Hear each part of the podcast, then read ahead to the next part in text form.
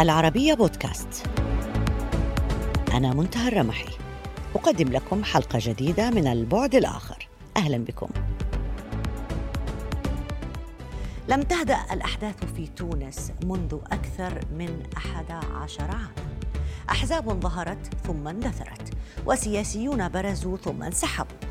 لكن قلة شكلت منعرجات مسيرتهم مناسبة لفهم الأوضاع.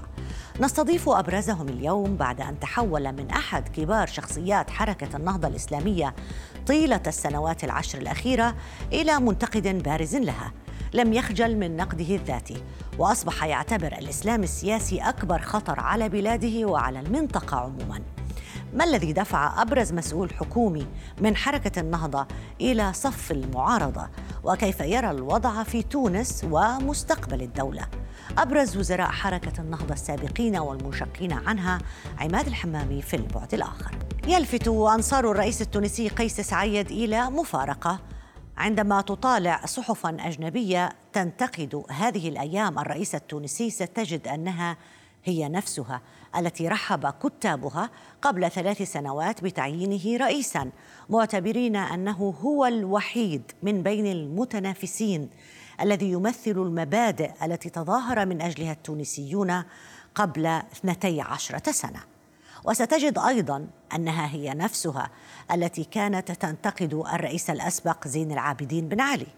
وستجد أيضا أن جميعها ينتمي لنفس السردية الانجلو ساكسونيه أو الليبرالية ذات الخلفية اليسارية الفرنكفونية. والمفارقة الأخرى أنه لا أخبار تؤكد أنه تم اعتقال معارضين في تونس أو جرى تحجيم الحريات وحتى المحاكمات التي شملت بعض الشخصيات فيهم جلها قضايا جرت قبل أن يقرر قيس سعيد حل البرلمان. وهي نفسها التي تسبب عدم الحسم فيها في فقدان التونسيين الثقة في البرلمان السابق والحكومات التي انبثقت عنه. يقول أنصار قيس سعيد إن الأمر يتعلق بنفس التحالف الذي عارض الزعيم الأسبق الحبيب بورقيبة ثم عارض الرئيس الأسبق زين العابدين بن علي ويتشكل من الإسلاميين وخليط من تيارات سياسية يسارية وليبرالية. نجح ذلك التحالف في بناء ما أطلق عليه لاحقا حركة الثمانية عشر أكتوبر 2005 عندما تجمعت تشكيلاته رغم خلافاتها الأيديولوجية العميقة على مبدأ الحرية السياسية من أجل الإطاحة ببن علي.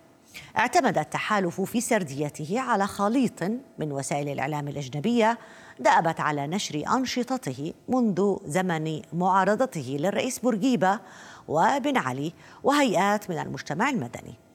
ينحى أنصار سعيد باللائمة على التحالف في انهيار البلاد الاقتصادي والاجتماعي وفي اهتزاز ثقة التونسيين بالعمل السياسي كما يعتبرونه دليلا بالتالي على نهاية منظومة الأحزاب قائلين إنه لم تعد هناك حاجة لوسيط بين من يديرون الدولة وناخبيهم وأنه ينبغي ان نأي بتسيير الشأن العام عن الخلفيات الفكرية الشخصية بما فيها الدينية والأيديولوجية. تنتمي النخبة أنصار قيس سعيد إلى تيار يطلق عليه النهائيون يرى أن تحقيق التنمية ممكن ولكن بعيدا عن الصراعات الأيديولوجية وما يسمى بالتوافقات ومرتبط بتغيير نظام البناء بعيدا عن أساليب المحاصصة بين النخب. ويعتبر هؤلاء أن تونس أنهكها زمن الانتقال الديمقراطي.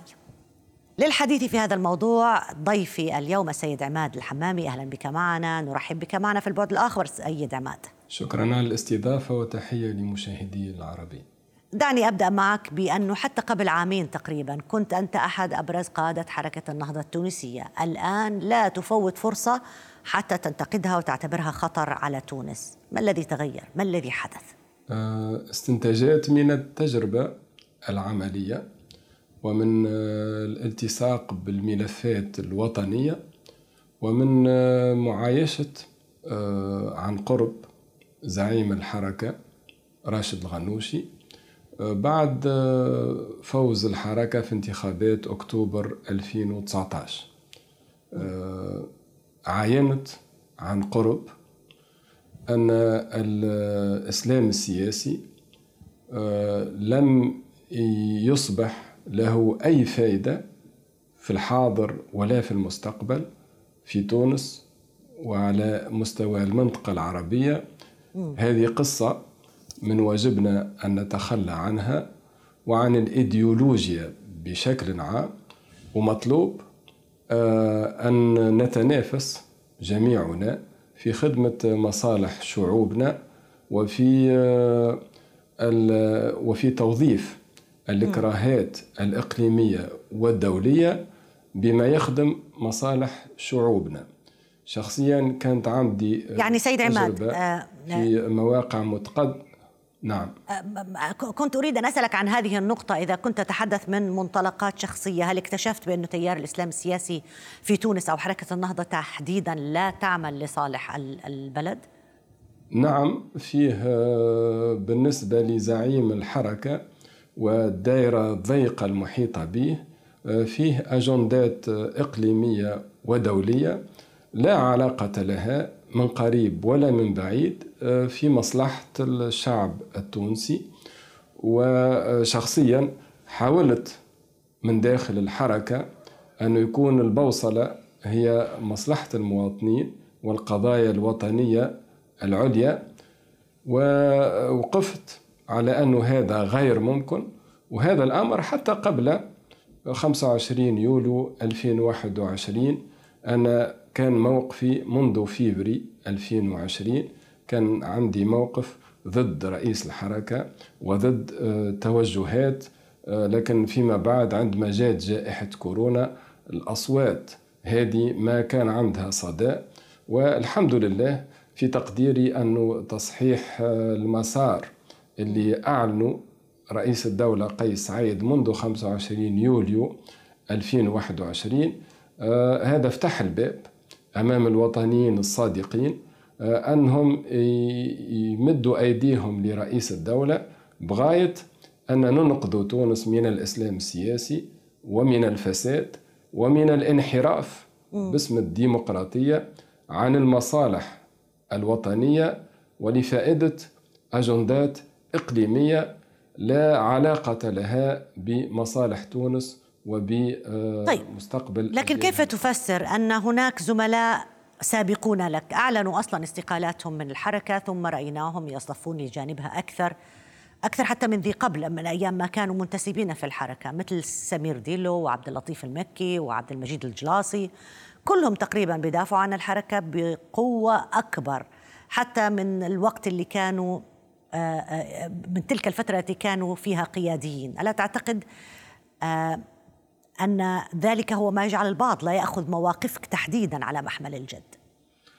في في حكمي الشخصي أنه أني أمتاز عليهم بأكثر وطنية وبرؤية أدق للمدى البعيد وأني أقل منهم حرص على المواقع وأقل منهم تمسك ربما بالأنانية الذاتية.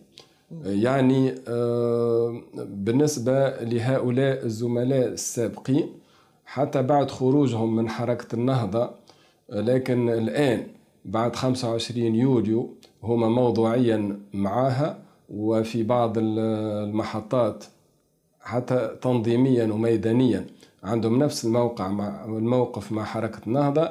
في تقديري هذا لأن ولائهم لحركة النهضة أكثر من ولائهم لتونس على عكس ما يتعلق استقالوا منها. ولائي لتونس. قبل استقالوا منها ولكن أنت سيدة منتهى سألت إيه الفرق بيني وبينهم في تقديري الفرق هو في هذا في في هذا ربما الشعرة البسيطة ولكن الهامة أنه آه، هل أني تونس قبل حركة النهضة وقبل الإسلام السياسي أم العكس؟ هل أنه إحنا كشخصيات وطنية نهتم بالمدى البعيد أم نهتم بالآني؟ آه، أيضا في مستوى هل أنه اللي يهم مواقعنا أم مواقفنا أنا أدعي أنه بوصلتي هي تونس. أدعي أنه اللي يهمني أكثر هو مصلحة الشعب التونسي وأعتبر نفسي آه، اللي يهمني أكثر هو الموقف وليس الموقع. طب ما هي مآخذك تحديدا على حركة النهضة؟ اللي هل هو يعني هل هي متعلقة في أدبيات الحركة نفسها؟ ماذا بالتحديد؟ أه ربما ربما أه أكيد أكيد الأدبيات عندها دخل. إحنا نتحدث على سيرورة. سيرورة لهذه الحركة اللي شخصيا قضيت فيها أربعين سنة أه ليس عشر سنوات أو عشرين سنة أو ثلاثين سنة. في تقديري هنالك سيرورة آه، بعد ما 2011 آه، هذه الحركة وقع آه، اختبارها في الحكم وفي إدارة الشأن العام ثم بالخصوص بعد 2019 عندما زعيمها التاريخي رفض أنه يقوم بالتداول على مسؤولية رئاسة الحركة كما ينص على ذلك نظامها الداخلي وانفرد بتسيير الحركة وبالخصوص بعد ما أمعن في ارتباطه بالفساد وبعد ما أمعن في ارتباطه بالمصالح وبعد ما انحرف انحرف من الاهتمام بشؤون الناس إلى آه، إلى إلى الارتباط بأجندات إقليمية ودولية. هذا آه، جعلني آقف على أنه بالنهاية الإسلام السياسي هذه نهايته لأن طيلة العقود الفارطة آه، مرت بنا تجارب سبقت التجربة التونسية في عديد البلاد العربية. ورينا باستمرار أن هنالك آه، في التتويج فيه فشل في التتويج فيه عجز على تحسين الواقع المعيشي للمواطنين. وكنت أظن أنه آه، ربما في تونس عندنا قدرة على أنه الأداء يكون أفضل لكن وقفت بس هل هل تحملهم المسؤولية وحدهم؟ يعني مثلا في تونس مختلف الوضع عن عن مصر. آه، تقول حركة النهضة بأنها لم تحكم أو الإسلام السياسي لم يحكم بشكل مطلق في تونس بل كان الحكم قائم بناء على توافقات. لذلك حركة النهضة لا لا تتحمل المسؤولية آه، آه، وحدها. بالفترة من 2014 حتى 2019 كان حزب نداء تونس هو الذي يحكم بتونس. صحيح حركة النهضة لم تحكم وحدها ولكنها الحزب الوحيد الذي كان باستمرار موجود في الحكم منذ 2012 إلى 2021 وكان عندها حضور في كل المواقع السيادية وفي كل المواقع مواقع الحكم سواء في الرئاسة رئاسة الدولة أو في الحكومة أو في البرلمان. وكذلك في في سائر المحافظات. آه، المسؤولية مشتركة صحيح ولكن المسؤولية الأكبر تقع على حركة النهضة وتقع على زعيمها آه، راشد الغنوشي. في تقديري آه، هنالك هنالك بالضرورة بالضرورة مرد أو لنقل تفسير هذا يكون في علاقة بالإسلام السياسي يعني المرتكزات النظرية يكون في علاقة بالأداء ويكون في علاقة بالاختيارات. آه، شخصيا أحمل مسؤولية لرئيس الحركة وللقيادة التي مارست فيما يخصني فيما يخصني ما كانش عندي مسؤوليات في الدولة منذ ديسمبر 2018 آه، الشخصيات والمنظومة التي حك... التي قامت على آه، تسيير حركة نهضة منذ أكتوبر 2019 آه، وصل وصلت البلاد وصلت تونس إلى آه، أزمة سياسية مع أزمة اقتصادية واجتماعية وإلى أزمة صحية أزمة شاملة كانت فيها مؤسسات الدولة مهددة بالانهيار. ومشكور الرئيس قيس سعيد على القرار الجريء الذي اتخذه يوم 25 جويليا 2021 بتفعيل الفصل الثمانين من الدستور بغاية إنقاذ الدولة طيب وب... قبل أن نذهب لقرارات الرئيس قيس سعيد لو سمحت لي تحدثت قبل قليل بشكل مخصوص عن راشد الغنوشي هل تحمل مسؤولية أنه كان عائق أمام تونسة حركة النهضة؟ أكيد أكيد عنده المسؤولية الأكبر إن لم نقل عنده المسؤولية الكاملة على عدم تمكين حركة النهضة من أن الأجيال الجديدة فيها المتشبعة بثقافة العصر وبخصوصيات تونس وتاريخها التنويري واستفراده بالتسيير المطلق للحركة ورمي عرض الحائط بنصوصها ولوائحها الداخلية. عنده المسؤولية الكاملة بالأنانية متاعه وتحكمه وتسلطه على آه، الحركة آه، أضر بالحركة وفي تقديري لم يعد لهذه الحركة مستقبل في تونس إلا ربما كحزب صغير. لو استقيل الغنوشي. آه، أضر أو يعزل الغنوشي. بتغير وضع الحركة؟ آه انتهى. فات الوقت. مم. ستبقى حركة النهضة في تقديري حزب صغير. ولكن آه راشد الغنوشي معناها قام بخطوات ومكث في موقعه أكثر من اللازم. انتهى. انتهى. العودة إلى الوراء غير ممكنة. ستبقى حركة النهضة في تقديري حزب صغير لأنه فيه آه، مواطنين تونسيين آه، ربما هواهم آه، في ذلك الاتجاه نحترم هذا. ولكن في تقديري انتهى المستقبل السياسي لحركة النهضة في تونس كحزب كبير وانتهى الإسلام السياسي كمرجعية ربما يكون فيها جاذبية في المستقبل السياسي لتونس ايا كان سيناريو هذا المستقبل.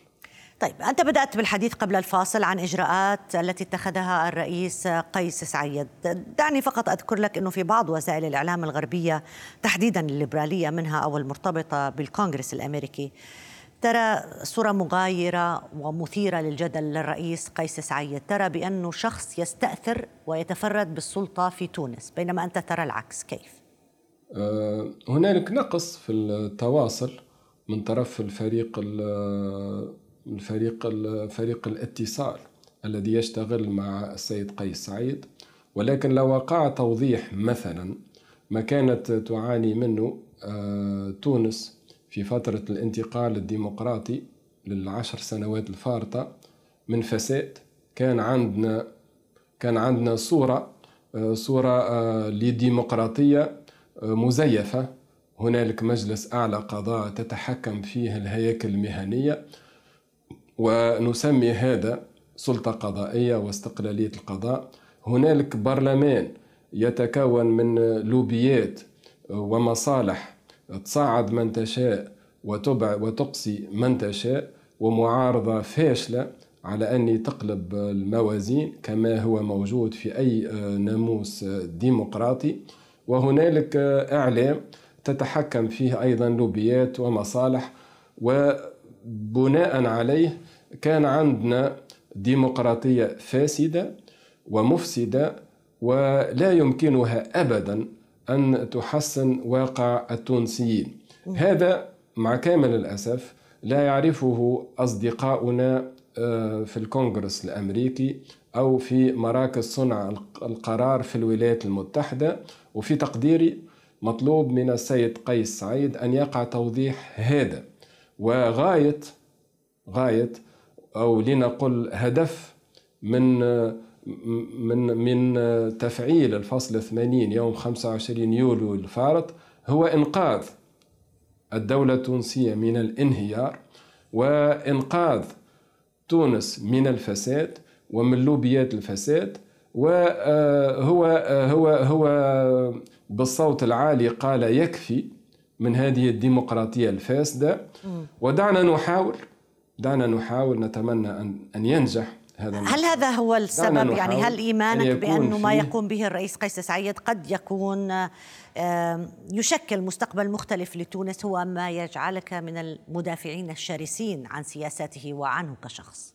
أنا أنا أنا عندي إيمان عميق بهذا لأني كنت أتمناه قبل 25 يوليو ولكن كنا عاجزين مع كامل الأسف كثير من الوطنيين الصادقين. ونحمد الله أنه رئيس قيس سعيد قام بهذه الخطوة. والآن لسنا متأكدين أن هذا المسار سوف ينجح لأن المعارضة آه، كثيرة ومتعددة ومع كامل الأسف عندها دعم وإسناد من العديد من أصدقاء تونس آه، في تقديري بسبب المغالطات. وبسبب عدم وضوح الرؤية كما يلزم كما يجب. مين بتحمل مسؤولية عدم وضوح الرؤية والمغالطات؟ يعني طالما آه، أصدقاء تونس يدعمون المعارضة الآن مفروض الدولة أو مفروض الرئيس ومن حوله يتحملون هذه المسؤولية في سوء الفهم لكيفية رؤيته لإدارة نعم الدولة. نعم هذا هذا قلت.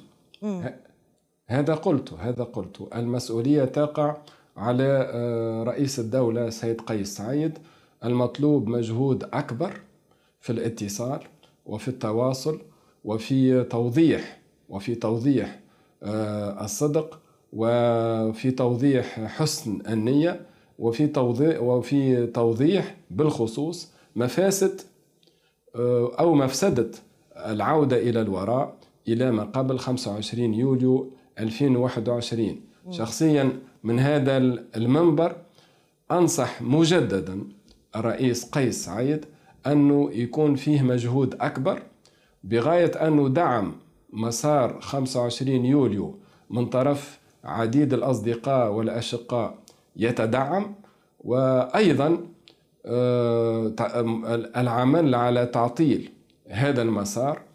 أحيانا ونتأسف لذلك من طرف أصدقاء وأشقاء في تقديري أنه لو يقع توضيح أكثر لو يكون فيه سياسة اتصالية أكثر نجاعة في تقديري ما بتتصور أنه لو كان في إجراءات ربما إلا إجراءات أسرع ربما يتخذها الرئيس قيس سعيد بتكون فعاليتها أهم على أصدقاء تونس على الكونغرس الأمريكي على الشعب التونسي من المزيد من التوضيح حول نفس السياسات القائمة حاليا. هنالك فرق آه، سيدة منتهى بين السرعة والتسرع. ما يقوم به حاليا الرئيس قيس سعيد فيه سرعة كبيرة.